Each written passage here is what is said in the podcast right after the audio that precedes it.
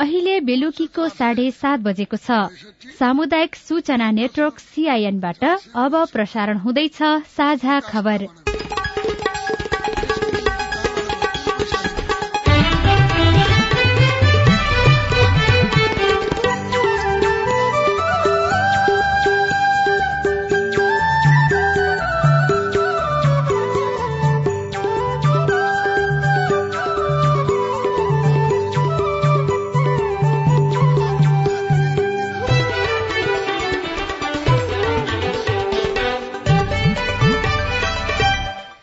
सीआईएनको साझा खबरबाट सोभिता रिसालको नमस्कार। साझा खबर देशभरिका सामुदायिक रेडियो सीआईएन खबर डट कम सीआईएनको फेसबुक पेज र मोबाइल एप सीआईएनबाट पनि सुन्न सकिन्छ।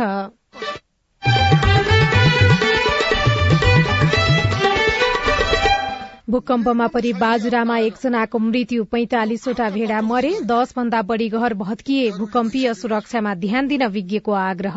केही अब चाहिँ चनाखो भएर बसेर कहाँ चाहिँ सुरक्षित हुन सकिन्छ कसरी सुरक्षित भइन्छ भन्ने कुराहरू चाहिँ यो जानकारी लिने जानकारी दिने। प्रदेशसँगै संघमा पनि मन्त्रालय घटाउन संसदीय समितिको सिफारिश बागमती प्रदेशमा तीनवटा मन्त्रालय घटाइने गण्डकी प्रदेशमा सात सदस्यीय मन्त्री परिषद गठन। दल बाहिरको व्यक्ति राष्ट्रपति बन्ने सम्भावना कति? सबैले चाहिँ ग्रहण गर्न सक्ने सबैलाई ग्राह्य हुन सक्ने त्यस प्रकारको व्यक्तित्व भयो भने राजनीतिक पनि हुन सक्छ गैर राजनीतिक पनि हुन सक्छ।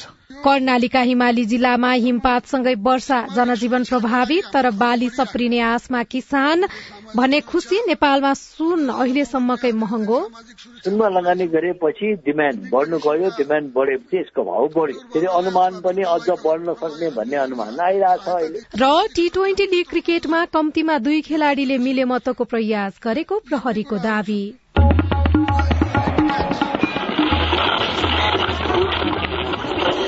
सयौं रेडियो। हजारौं रेडियो कर्मी। र करोड़ौं नेपालीको माझमा यो हो सामुदायिक सूचना नेटवर्क सीआईएन प्रदेश संरचनाले अनावश्यक खर्च मात्रै बढ़ाएको भन्दै विरोध भइरहेका बेला प्रदेश सरकारले मन्त्रालय घटाउन थालेका छन्। सुशासनका हिसाबले यो निर्णय सकारात्मक हो। सबै प्रदेशमा गरेर अब सोह्रवटा मन्त्रालय घट्दा झण्डै दुई अर्ब रूपियाँ जोगिने देखिएको छ। संघ र प्रदेश दुवैतिर मन्त्रालय घटाई प्रशासनिक खर्चमा मितव्ययिता अपनाउनुपर्छ। बाजुरामा आज गएको भूकम्पमा परेर एकजनाको मृत्यु भएको छ। आज दिउँसो दुई बजेर त्रिचालिस मिनटमा बाजुराको मेला केन्द्रबिन्दु भएर गएको पाँच दशमलव नौ रेक्टर स्केलको भूकम्पले बाजुराको गौमूल गाउँपालिकाका अन्दाजी पैंतिस वर्षका जमुना रोकायाको मृत्यु भएको गाउँपालिका अध्यक्ष हरिबहादुर रोकायाले सीआईएनलाई जानकारी दिनुभयो। उहाँका अनुसार पहिरोमा परेर घाइते भएका अर्का एकजनालाई उद्धार गरी अस्पताल पठाइएको छ। भूकम्पपछि गएको पहिरोमा पुरिएर रामदल बोहराका पैंतालिसवटा भेड़ा मरेका छन्। भूकम्पको धक्का डोटी सहित सुदूरपश्चिमका धेरै जिल्लामा महसुस गरिएको थियो।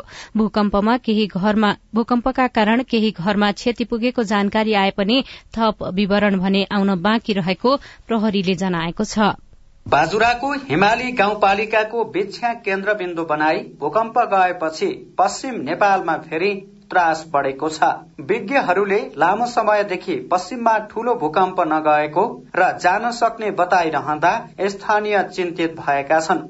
भूकम्पपछि पहिरो आएर मानिस र भेडाको मृत्यु भएको गौमूल गाउँपालिकाका अध्यक्ष हरि रोकायाले पुष्टि गर्नुभयो ढुङ्गो लागेर हो कि? फेरि उसमा भूकम्प बेला माथि भिरबाट ढुङ्गा आएर त्यही लागेर चाहिँ मृत्यु भयो एकजनाको हो दुईमा हो अनि एकमा चाहिँ पैँतालिसवटा चाहिँ एउटा पहिरो नै फुटेछ कि? भिर फुटेर सारा चाहिँ भेडाहरू त्यसैमा पुरिएछन्। आज बिहानैदेखि हिमपातसँगै सुदूरपश्चिमको जनजीवन प्रभावित भइरहँदा भूकम्पले थप त्रास बढ़ेको छ। बाजुरा सहित सुदूरपश्चिमका ग्रामीण भेगमा ढुङ्गा र माटोका ससाना घर रहेका छन् जुन भूकम्प प्रतिरोधी छैनन्। फेरि भूकम्प आउने हो कि भन्ने त्रासमा स्थानीय रहेको प्रेम बहादुर अर्याल बताउनुहुन्छ।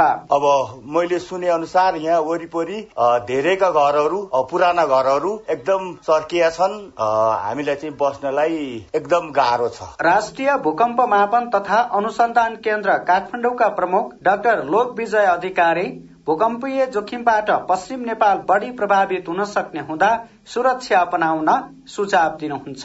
चनाखो भएर बस्ने कम्तीमा चाहिँ भूकम्पको भन्न सकिँदैन नसकिँदा हुँदा पनि केही आफू चाहिँ चनाखो भएर बसेर कहाँ चाहिँ सुरक्षित हुन सकिन्छ कसरी सुरक्षित भइन्छ भन्ने कुराहरू चाहिँ यो जानकारी लिने जानकारी दिने होइन? आफू चनाखो भएर चाहिँ भूकम्प गइरहँदाखेरि कसरी सुरक्षित ठाउँमा आफू जान सकिन्छ जाने यसरी चाहिँ हामी भूकम्पबाट अलिकति जोखिम चाहिँ कम गर्न सक्छौँ। भूकम्पको धक्का अन्य जिल्लामा पनि महसुस गरिएको छ तर क्षतिको विवरण भने आइसकेको छैन। बाजुराका विभिन्न ठाउँबाट स्थानीयले दिएको जानकारी अनुसार बीस बढी घरहरूमा आंशिक तथा पूर्ण रूपमा क्षति भएको छ।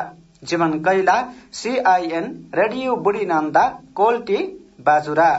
यसअघि गत कार्तिक बाइस गते बिहान खप्तड केन्द्रबिन्दु भएर छ दशमलव छ रेक्टर स्केलको भूकम्प जाँदा छ जनाको मृत्यु भएको थियो।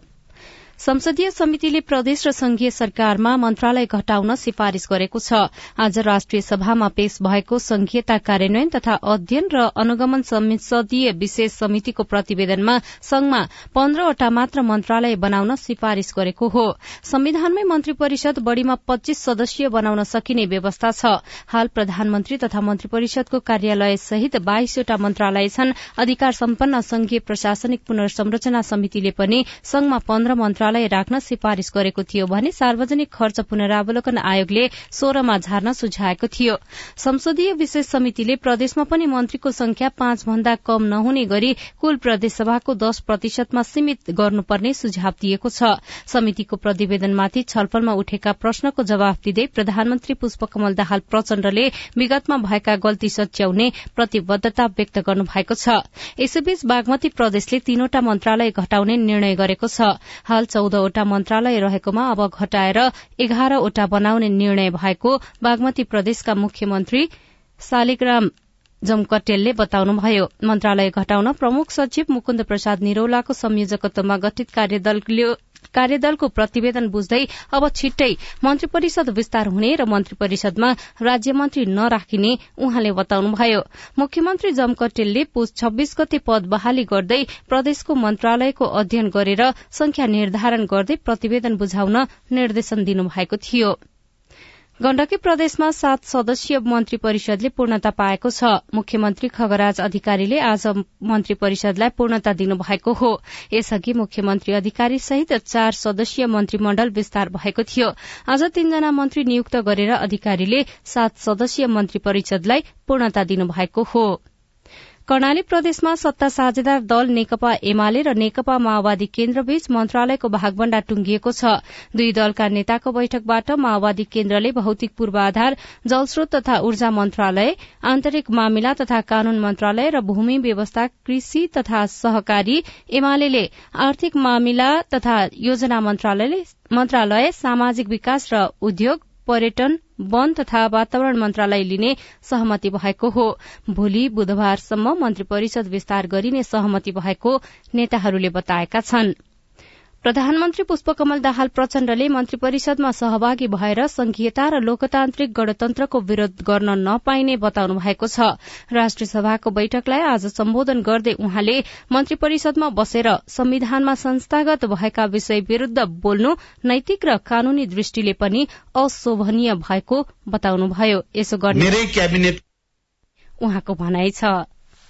क्याबिनेटको एकजना मन्त्रीले नै संहिता खारेज गर्नुपर्छ भन्नुभयो भनेर यहाँ सुनाउनु भयो मान्य सदस्यले। मेरो गम्भीर ध्यानकर्षण भएको छ। यो स्पष्टीकरणको विषय हुन्छ। मन्त्रीमण्डल भन्दा बाहिर गएर आफ्नो कुरा राख्ने अधिकार सबै राजनीतिक दललाई पनि मान्य सदस्यलाई पनि हुन्छ। तर मन्त्रीमण्डल भित्र बसेर संहिताको विरूद्ध लोकतान्त्रिक गणतन्त्रका विरूद्ध बोल्ने या प्रचार गर्ने अधिकार नैतिक रूपले पनि कानूनी रूपले पनि हुन सक्दैन। म यो प्रष्ट गर्न चाहन्छु। संघीयता र गणतन्त्र विरूद्ध बोल्ने भए मन्त्री परिषद बाहिरै रहनुपर्ने प्रधानमन्त्री प्रचण्डको भनाइ छ। कर्णालीका हिमाली जिल्लामा हिउँ पर्न शुरू भएको छ। जुम्लामा आज बिहान पाँच बजेबाट हिउँ परेको हो। जुम्ला सहित मुगु हुम्ला डोल्पा कालीकोट सुर्खेत दैलेख लगायतका जिल्लामा हिमपात सहित वर्षा भएको छ। हिउँ पर्दा जनजीवन प्रभावित भए पनि किसान भने खुशी भएका छन्। अझै केही दिन हिउँ परे बालीनाली सप्रिय र उत्पादन बढ़ने किसान सरोज शाहीले बताउनुभयो। हिउँ नपर्दा बाली सुक्न थालेकामा यो हिमपातले विशेष गरी कृषि क्षेत्रलाई राहत पुग्ने कृषि विकास कार्य कार्यालय जुम्लाका प्रमुख गणेश अधिकारीले बताउनुभयो।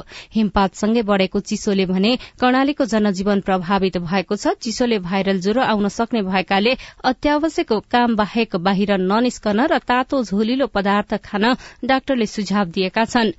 हिमपातले कर्णालीका हिमाली जिल्लाको हवाई तथा सड़क यातायात पनि ठप्प भएको छ। जुम्लाका प्रमुख जिल्ला अधिकारी मुकेश केसरीले हिमपातपछि राहत उद्धार तथा पुनर्स्थापनाको पूर्व तयारी बलियो बनाइएको र तीनवटै सुरक्षा निकाय तैनाथ अवस्थामा राखिएको पनि जानकारी दिनुभएको छ। यसैबीच आज राति सुदूरपश्चिम कर्णाली लुम्बिनी र गण्डकी प्रदेशका थोरै स्थानमा मेघ गर्जनसहित हल्का वर्षाको सम्भावना रहेको मौसमविदले बताएका छन्। सीआईएनसँग कुरा गर्दै मौसम पूर्वानुमान महाशाखाका वरिष्ठ मौसमविद राजुधर प्रधानाङ्गले यो प्रणाली भोलि रातिसम्म नै सक्रिय हुने जानकारी दिनुभयो।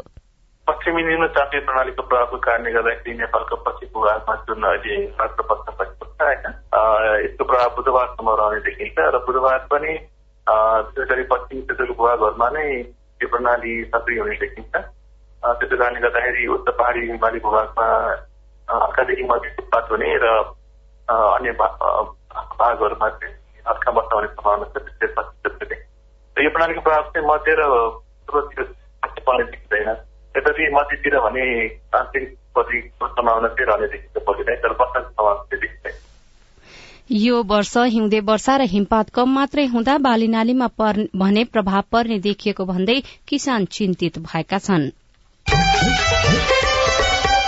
अब विदेशको खबर। अमेरिकाको क्यालिफोर्नियामा दुई ठाउँमा अन्धाधुन्द गोली चल्दा सातजनाको मृत्यु भएको छ। हाफ मून बे शहरमा चिनिया मूलका अमेरिकी नागरिकले सञ्चालन गरेका दुईवटा निजी फर्ममा गोली चल्दा सातजनाको मृत्यु भएको बीबीसीले जनाएको छ। प्रहरीले आक्रमणमा संलग्न भएको आरोपमा एकजनालाई पक्राउ गरेको छ। र एउटा खेल खबरमा नेपाल टी ट्वेन्टी लीग क्रिकेटमा पूर्व राष्ट्रिय खेलाड़ी मेहबूब आलमले कम्तीमा दुई खेलाड़ीबाट स्पट फिक्सिङको प्रयास गरेको प्रहरीले दावी गरेको छ। प्रहरीको केन्द्रीय अनुसन्धान ब्यूरो सीआईबीले आज पत्रकार सम्मेलन गरेर मेहबूबले दुई खेलाड़ीबाट खेल मिलेमतोको प्रयास गरेको जनाएको छ। मेहबूबले प्रतियोगिता चलिरहेकै बेला आदिल आलमलाई एउटा नो बल र एउटा वाइड बल पाल्न प्रेरित गरेको अनुसन्धानबाट खुलेको पनि दावी गरेको छ। प्रहरीले दुवैजनालाई हिजो पक्राउ गरी थप अनुसन्धान अघि बढ़ाएको छ।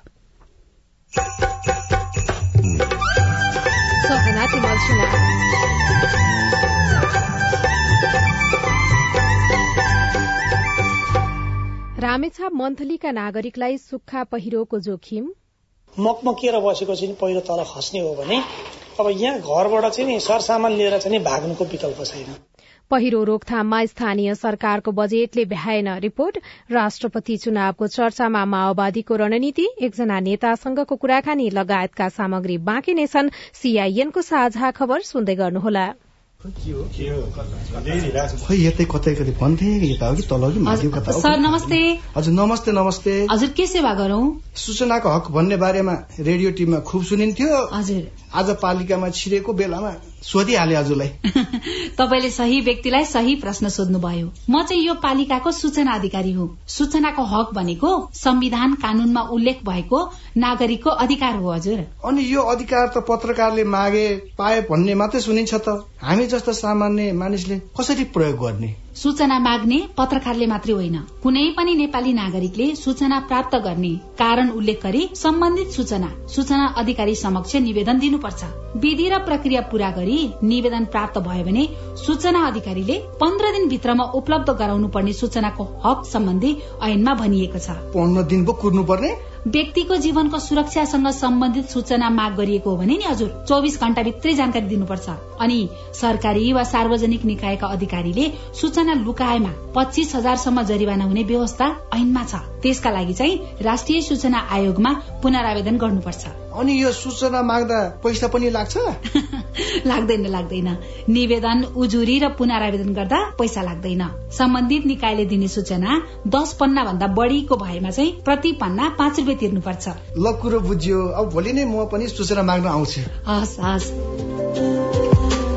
अस्ट्रेलिया सरकार र द एसिया फाउन्डेशनको साझेदारीमा सञ्चालित स्थानीय सरकार सबलीकरण कार्यक्रम र अकोराब नेपाल। सामाजिक रूपान्तरणका लागि यो हो सामुदायिक सूचना नेटवर्क सीआईएन तपाई सामुदायिक सूचना नेटवर्क सीआईएनले तयार पारेको साझा खबर सुन्दै हुनुहुन्छ। नेपालमा सुनको मूल्य अहिलेसम्मकै महँगो भएको छ। आज सुन तोलाको एक लाख छ हजार तीन सय रूपियाँमा कारोबार भएको नेपाल सुन चाँदी व्यवसायी महासंघले जनाएको छ। महासंघका अनुसार आज सुन तोलामा एक हजार रूपियाँले बढ़ेको हो। पोहोर फागुन पच्चीस गते सुन तोलाको एक लाख पाँच हजार पाँच सय रूपियाँमा कारोबार भएको थियो। त्यसयता घटेको सुनको भाव फेरि बढ़ेको हो। अन्तर्राष्ट्रिय बजारको अस्थिरताका कारण सुनमा लगानीकर्ता आकर्षित हुँदा सुनको भाव महँगो हुँदै गएको महासंघ अन्तर्गतको भाव निर्धारण समितिका संयोजक तेज रत्न साक्यले सीआईएनसँग बताउनुभयो। डेढ महिना दुई महिना भइसक्यो यो अनसर्टेन्टीको केस आइरहेको। अनसर्टेन्टीले गर्दाखेरि इन्फ्लेसन बढ्यो। इन्फ्लेसन बढेपछि मान्छेहरूले क्रय शक्ति सुरक्षित पार्नुको निमित्त सुनमा लगानी गरे। सुनमा लगानी गरेपछि डिमान्ड बढ्नु गयो। डिमान्ड बढेपछि यसको भाव बढ्यो। फेरि अनुमान पनि अझ बढ्न सक्ने भन्ने अनुमान आइरहेछ अहिले। सुनको भाव तोलामा दुई लाख रुपियाँसम्मै पुग्छ भन्ने हल्ला पनि आइरहेको छ। कतिको सत्यता छ? अहिले त्यति हुने सम्भावना छैन। होइन ट्रेड हेभोकबाट ट्रेड भएको छ बढी भयो दुई हजार डलर पुग्छ घटी भयो सत्र सय डलरको अनुमान छ। तीन सय डलरको भेरिएसन छ। आज सुनको भाव बढे पनि चाँदीको भाव भने घटेको छ। रामेछापको सदरमुकाम मन्थली बजार हुँदै पश्चिमतर्फ बग्ने रन्जोर खोलाले मन्थली नगरपालिका एक तीन चार र पाँच नम्बर ओड़ालाई जोखिममा पारेको छ। तामाकोशी नदीमा आउने बाढ़ीले पनि बजार क्षेत्रलाई कटान गरिरहेको छ। सदरमुकाम नै बाढ़ी र पहिरोको जोखिममा रहँदा समेत संरक्षणको प्रयास नभएको मन्थलीवासीको गुनासो छ। रामेछापको मन्थली नगरपालिका र लिखु तामाकोसे गाउँपालिकाको सिमानाबाट बग्ने रनजोर खोलाले बनाएको घ्याप्सेको पहिरोको कारण मन्थली नगरपालिकाका चारवटा वडा उच्च जोखिममा छन्। हिउँदमा खासै डर नभए पनि प्रत्येक बर्खाको समयमा घ्याप्सेको पहिरोले कतिखेर घर छाडेर भाग्नुपर्ने हो भन्ने चिन्ता मन्थलीवासीलाई भइरहने गरेको छ। मन्थलीको स्थानीय होतराज ढकाल। अलिक ठूलो बर्सात हुने हो र त्यो मकमकिएर बसेको पहिरो तल खस्ने हो भने अब यहाँ घरबाट चाहिँ नि सरसामान लिएर चाहिँ भाग्नुको विकल्प छैन। घ्याप्चेको पहिरो मिसिएर रनजोर खोलामा आउने लेदो बाढ़ीले रामेछापको सदरमुकाम मन्थली बजार नै उच्च जोखिममा छ। दुई हजार एघार सालदेखि नै घ्याप्चेको पहिरो मिसिएर रनजोर खोलामा बाढ़ी आउन थालेको थियो। यो समस्याले हरेक वर्ष यस क्षेत्रका बस्तीलाई जोखिममा पारिरहेको छ। स्थानीय ज्ञानुका श्रेष्ठ फरक खालको पहिरो र बाढ़ी आउँदाखेरि एकदमै लेदो आउने हुनाले अब यसको खोलाको सतह चाहिँ दिनानुदिन बढ्दै गइरहेको छ। प्रत्येक वर्ष आइरहने बाढ़ीले एकातिर खोलाको सतह माथि आएको छ भने खोला छेउका खेत बगरमा परिणत भएको छ। हरेक वर्ष पहिरो झरिरहँदा पहाड़ समेत खुकुलो बनिरहेको छ। यति हुँदा समेत स्थानीय सरकार र राजनैतिक दलले कुनै चासो नदेखाएको गुनासो स्थानीय नारायण कार्कीको रहेको छ। हाम्रो यो गैरा छोप को चाहिँ पहिरोले गर्दा अहिलेसम्म हाम्रा भएका नेताहरूले केही चासो नराखेको हुँदा हाम्रो बगर बनिएर मुन्थलीसम्म सगरमुकमसम्म जोखिममा परेको छ। मन्थली नगरपालिकाका नगर प्रमुख लव श्रेष्ठले भने वर्षौं पुरानो पहिरो रोकथाम गर्न स्थानीय तहले नसक्ने तर संघ र प्रदेश सरकारले पनि सहयोग गर्नुपर्ने धारणा राख्नुहुन्छ। स्थानीय सरकारले झ्याप्चेको पहिरो रोकथाम गर्न सक्दैन। त्यसको व्यवस्थापन कसरी गर्न सकिन्छ भनेर सरकारवालासँग चाहिँ समन्वय गरेर अगाडि जाने भन्ने छ। अब पहिरो चाहिँ सुक्खा पहिरो आउने सुक्खा पहिरै भएको कारणले गर्दाखेरि त्यो एरियाबाट कहाँसम्म के छ कसरी भएको छ भन्ने कुरो चाहिँ पहिला पनि एउटा डिपिआर बनाएको छ अरे। त्यो डिपिआरको आधारमा त्यो हेरेर चाहिँ अब हामीले त संघ प्रदेश सरकारलाई गुहारेर सकियो भने त्यसको प्रभावित हुने एरियाहरूमा चाहिँ कसरी व्यवस्थापन गर्न सकिन्छ बस्तीहरू त्यहाँको खेतीपातीलाई कसरी निरन्तरता गर्न सकिन्छ त्यो कुरामा चाहिँ हामी लाग्छौं। घ्याप्चेको पहिरो हुँदै रनजोर खोलामा आएको बाढ़ी र तामाकोशी नदीको बाढ़ी कटानका कारण रामेछापको सदरमुकाम समेत रहेको मन्थली बजार सहित यहाँका तीन गाउँका करिब एक हजार घर पहिरोको उच्च जोखिममा छन्। राजन महतारा सीआईएन हजुरको रेडियो रामेछाप साझा खबरमा अब प्रस्तुत छ हेलो सीआईएन हेलो म चाहिँ निमप्रसाद भण्डारी गुल्मीको छत्रकोट गाउँपालिकादेखि बोलिरहेको छु। मेरो समस्या यस प्रकार छ। म चालिस दिने म्यादी प्रहरीको रूपमा चाहिँ सङ्घिएर प्रदेश चुनावको लागि खटिएको थिएँ। मेरो खातामा चौध हजार एक सय अठाइस रुपियाँ मात्रै आयो। मलाई चाहिँ मङ्सिर तिन गते चाहिँ मापासे गरिस् भनेर निकाल्ने काम भयो। प्रहरी कार्यालयमा जाँदाखेरि तैँले पैसा पाउनुहोस् भन्ने कुराकानी भयो। मैले पैसा पाउँछु कि पाउँदैन? जिज्ञासा मेटाउँदै हुनुहुन्छ केन्द्रीय प्रहरी प्रवक्ता प्रहरी नायब महानिरीक्षक पोषराज पोखरेल। त्यसमा चाहिँ के हुँदो रहेछ भने यदि अनुशासन र आचरण विपरीत कार्य गरी नियुक्ति रद्द भए हटाइएमा चाहिँ त्यो जुन पायो त्यो पाए बापत भन्दा बाहिरको चाहिँ नपाउने रहेछ। त्यो निर्देशिकामा स्पष्ट भएको हुनाले उहाँले पाउनुहुन्न। मेरो घर घोराई दाङ जिल्ला घोराई नगरपालिका वार्ड नम्बर पाँच हो। मेरो छोरालाई दलालले एउटा काम भनेर एउटा काममा पारिदिइन तिन लाख रुपियाँ खाइदिएको छ र त्यसको रिकर्ड सहित छ। त्यसको लागि के गर्नुपर्छ? तपाईँले प्रमाण सहित नजिकैको प्रहरी कार्यालयमा उजुरी दिन सक्नुहुनेछ। म जुम्लादेखि मेरो नाम सुभाष बुढा। जुम्लामा लागू औषधि बढ्दो क्रममा छ। परे चौध वर्षदेखि चालिस वर्षका युवाले लिने गरेका गरेको छ। निरन्तरको लागि सरकारी निकायको कस्तो दायित्व भूमिका रहेको छ कसरी निरन्तरमा लिन खोजेको छ? म प्रहरी निरीक्षक याम बहादुर बुढा मगर जिल्ला प्रहरी कार्यालयमा कार्यरत छु है। यो दायित्व प्रहरीको मात्रै हो जस्तो लाग्दैन मलाई। सूचना हुनेको समाजबाटै आउने हो नागरिक समाजबाट आउनु पर्यो।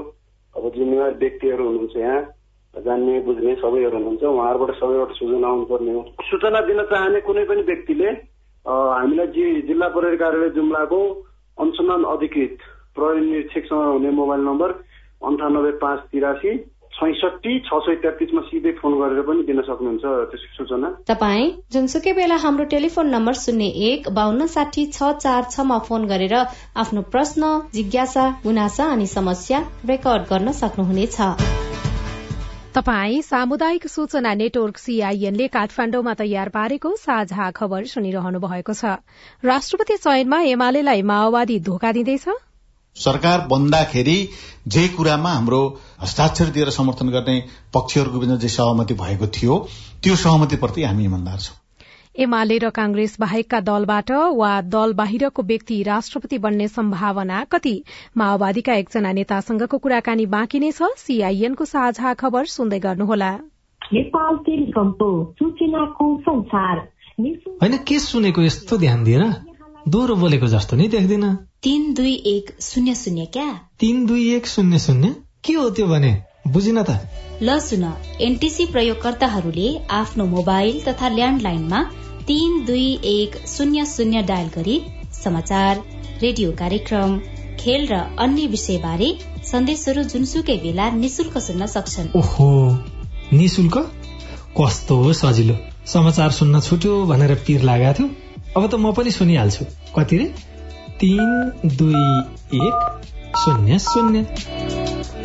सामाजिक रूपान्तरणका लागि यो हो सामुदायिक सूचना नेटवर्क सीआईएन तपाई सामुदायिक सूचना नेटवर्क सीआईएनले काठमाण्डुमा तयार पारेको साझा खबर सुन्दै हुनुहुन्छ। कुर्सी र सत्ताको खेलमा पछाडि परेको कांग्रेस पुनः शक्तिमा फर्कने कोशिश गरिरहेको छ। तर सरकार गठन र सभामुख उपसभामुखको निर्वाचनसम्म आइपुग्दा कांग्रेसलाई निराशा बाहेक केही मिलेको छैन।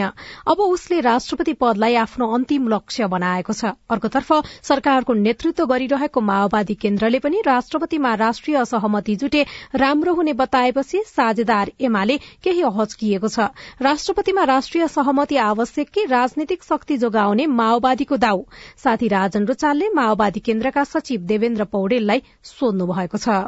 जसरी प्रधानमन्त्रीले विश्वास मत प्राप्त गर्दाखेरि अधिकांश दलहरूले सहमति सहकार्य र एउटा विश्वासको वातावरण प्रकट गर्नुभयो। त्यसै गरिकन राष्ट्रपति र उपराष्ट्रपतिको हकमा पनि एक प्रकारको सबैले मान्यता प्राप्त गरेको साझा व्यक्तित्वको रूपमा आउँदा सहमतिको निम्ति एउटा सहज बन्छ भन्ने कुरा मात्रै हो र कुनै पनि दललाई चिडाउने अथवा एमालेलाई सशंकित गराउन खोज्ने अथवा कंग्रेसलाई सशंकित गराउन खोज्ने वा कसैलाई लिने हामीले त्यस्तो कुरा गरेका होइनौं। सरकार बन्दाखेरि जे कुरामा हाम्रो हस्ताक्षर दिएर समर्थन गर्ने पक्षहरूको बिचमा जे सहमति भएको थियो त्यो सहमतिप्रति हामी इमान्दार छौं। तर तपाईँले भने जस्तै गरी त्यो साझा व्यक्तिको रूपमा चाहिँ कांग्रेसकै मान्छे हुनुपर्छ कि भन्ने खालको आशयमा प्रधानमन्त्री प्रचण्ड किन नजिक नजिक हुनुभयो त? अब त्यस्तो नजिक भएर निर्णय गरेको त केही पाउनु भएको छ र यहाँले। त्यस्तो त मलाई लाग्दैन।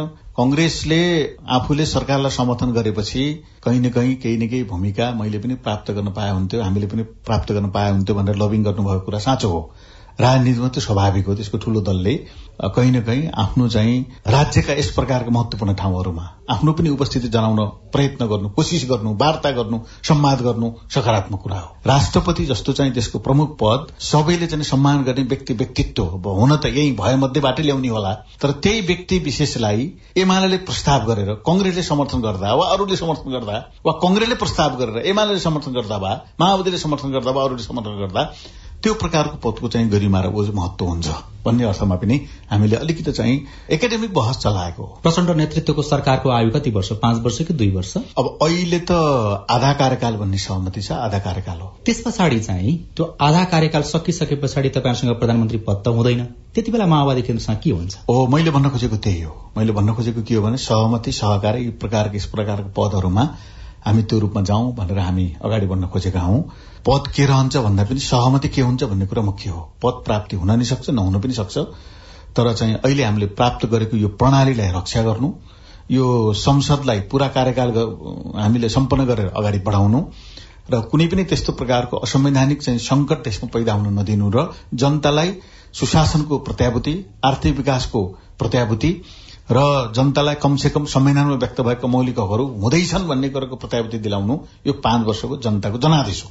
त्यो प्राप्ति हुनु नै हाम्रो निम्ति सबैभन्दा ठूलो हो। अहिले कांग्रेसलाई राष्ट्रपति दिन सकियो भने बनाउन सकियो भने दुई वर्ष पछाडि अथवा अढाई वर्ष पछाडि चाहिँ कांग्रेसको समर्थन लिएर सरकारमा बसिरहन सकिन्छ भन्ने कुरा त्यो पासाको रूपमा यसपटक माओवादी केन्द्र प्रकारका दुई वर्ष पाँच वर्षपछि के हुन्छ भनेर अहिले त्यति बेलाका हुन सक्ने सम्भावनाका कुरा ल्याएर अहिलेको चाहिँ वर्तमान राजनीतिलाई घिचल्नु सान्दर्भिक छैन। अहिले सरकारमा सहभागी भएका दलहरूको बीचमा मुख्यमन्त्रीदेखि लिएर राष्ट्रपति उपराष्ट्रपतिदेखि लिएर त्यसको साथसाथै सभामुख उपसभामुखदेखि लिएर अरू कतिपय संवैधानिक नियुक्तिहरूमा समेत सहकार गरेर जाउँ भन्ने कुरा प्रष्टै छ। त्यस अनुरूप नै हामी अगाडि बढ्न चाहन्छौ। त्यसप्रति हामी इमान्दार छौं त्यसप्रति प्रतिबद्ध छौं। त्यो कुरालाई हामीले तलमाथि हुन दिँदैनौ। तर फेरि परिस्थिति अलिकति चाहिँ थोरै अलिकति अर्को ठाउँमा कहाँ पुग्यो भनेदेखि एकाएक चाहिँ नेपाली कंग्रेसले पनि सरकारलाई मैले समर्थन गर्छु भनेर आउनुभयो। समर्थन नगर भन्न त मिलेन। समर्थन गर्छौ तपाईँहरूको सरकारलाई भनेर आउँदाखेरि त प्रधानमन्त्रीले मलाई भोट नदिनुहोस् है भन्न त मिलेन नि। उहाँहरूले भोट दिइसकेपछि भोट ग्रहण गरियो ग्रहण गरिसकेपछि स्वाभाविक रूपमा यो सरकार चाहिँ सहमतिको जस्तो सरकार बन्न पुग्यो।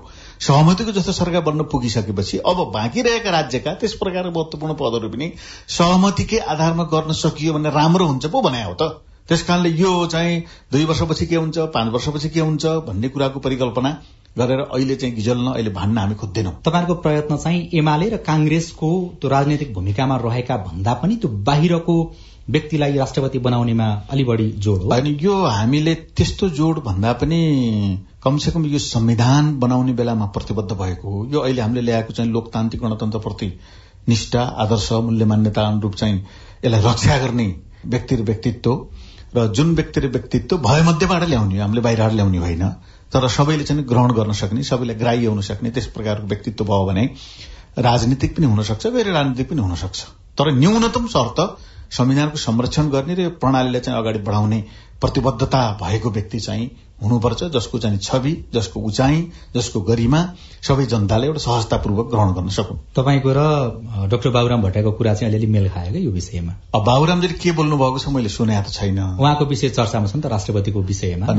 बाबुराम पनि त्यो प्रकारको व्यक्ति चाहिँ चर्चा चल्ने व्यक्ति मध्ये नै पर्नुहुन्छ किनभने उहाँलाई यो प्रणाली ल्याउनको निम्ति यो संविधान बनाउनको निम्ति यी कतिपय कुरा गर्नको निम्ति उहाँले गरेका योगदान र उहाँलाई चाहिँ राज्यले सम्मान गर्ने प्रकारको व्यक्तित्व भएको हुँदाखेरि उहाँको चाहिँ चर्चा चल्नुलाई स्वाभाविक मान्छु मैले। त्यो नाम चाहिँ तपाईँहरूले केपी ओलीसँगको छलफलमा एमालेसँगको छलफलमा अगाडि सार्नुहुन्छ? तोकिएकै छैन त अहिले नै चाहिँ नाममा कहाँ प्रवेश गर्ने? तर सम्भावित नाम मध्येको एउटा नाम चाहिँ हो त्यो पनि। सम्भावित मध्येको हो। सम्भावित मध्ये चाहिँ त्यो पनि नाम हो। केपी ओलीले भने जस्तै गरी कांग्रेसले ढोक्से थापेको रूपमा चाहिँ तपाईँहरूले बुझ्नु भएको छ त्यो भनाइलाई कुन रूपमा बुझ्नु भएको छ? अथवा नेपाली कंग्रेसका महामन्त्री विश्वप्रकाश शर्माले भने जस्तै गरी प्रधानमन्त्रीलाई सुनको पिंजडामा राखेको एमाले भन्ने हिसाबले। तपाईँहरूले चाहिँ कुन रूपमा बुझ्नु भएको छ त्यो भनाइलाई? अब यो प्रणाली जो प्रणाली हामीले अगाडि बढाएका छौँ हाम्रो संविधानमा भएको प्रणाली अनुरूप कार्यकारी प्रमुख चाहिँ कार्यकारी क्षेत्रमा स्वतन्त्र हुन्छ र उसलाई नियमन गर्ने चाहिँ निकायहरू छन्। नियमन गर्ने निकायलाई सक्रिय बनाएर अगाडि बढ्नुपर्छ। नियमन गर्ने निकाय पार्लियामेन्ट पनि हो कानून पनि हो। त्यो विपरीत गए चाहिँ कोर्ट पनि छ हामी कहाँ। तर त्यसबाहेक चाहिँ पार्टीले सुझाव दिनको निम्ति कुनै संरचनाहरू कुनै त्यस प्रकारका निकायहरू बनाउन सक्छ। त्यो संविधानले चिन्दैन। दलीय प्रणालीमा दलले बनाउने अथवा सहमतिमा बनाउने राजनीति त्यस प्रकारको संरचनाहरूलाई वैधानिक मानिन्न। एउटा चाहिँ आन्तरिक चाहिँ होमवर्कको निम्ति सहमतिको निम्ति बनाएर त्यसले सुझाव पेश गर्न सक्छ।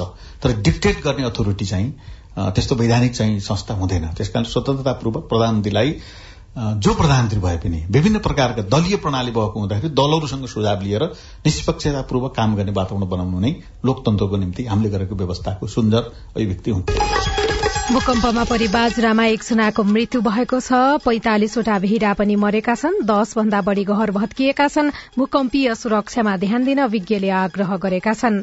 प्रदेशसँगै संघमा पनि मन्त्रालय घटाउन संसदीय समितिले सिफारिश गरेको छ। बागमती प्रदेशमा तीनवटा मन्त्रालय घटाइने भएको छ। कर्णालीका हिमाली जिल्लामा हिमपातसँगै वर्षा भएको छ। जनजीवन प्रभावित भएको छ। तर बाली सप्रने आसमा किसान भने खुशी भएका छन्।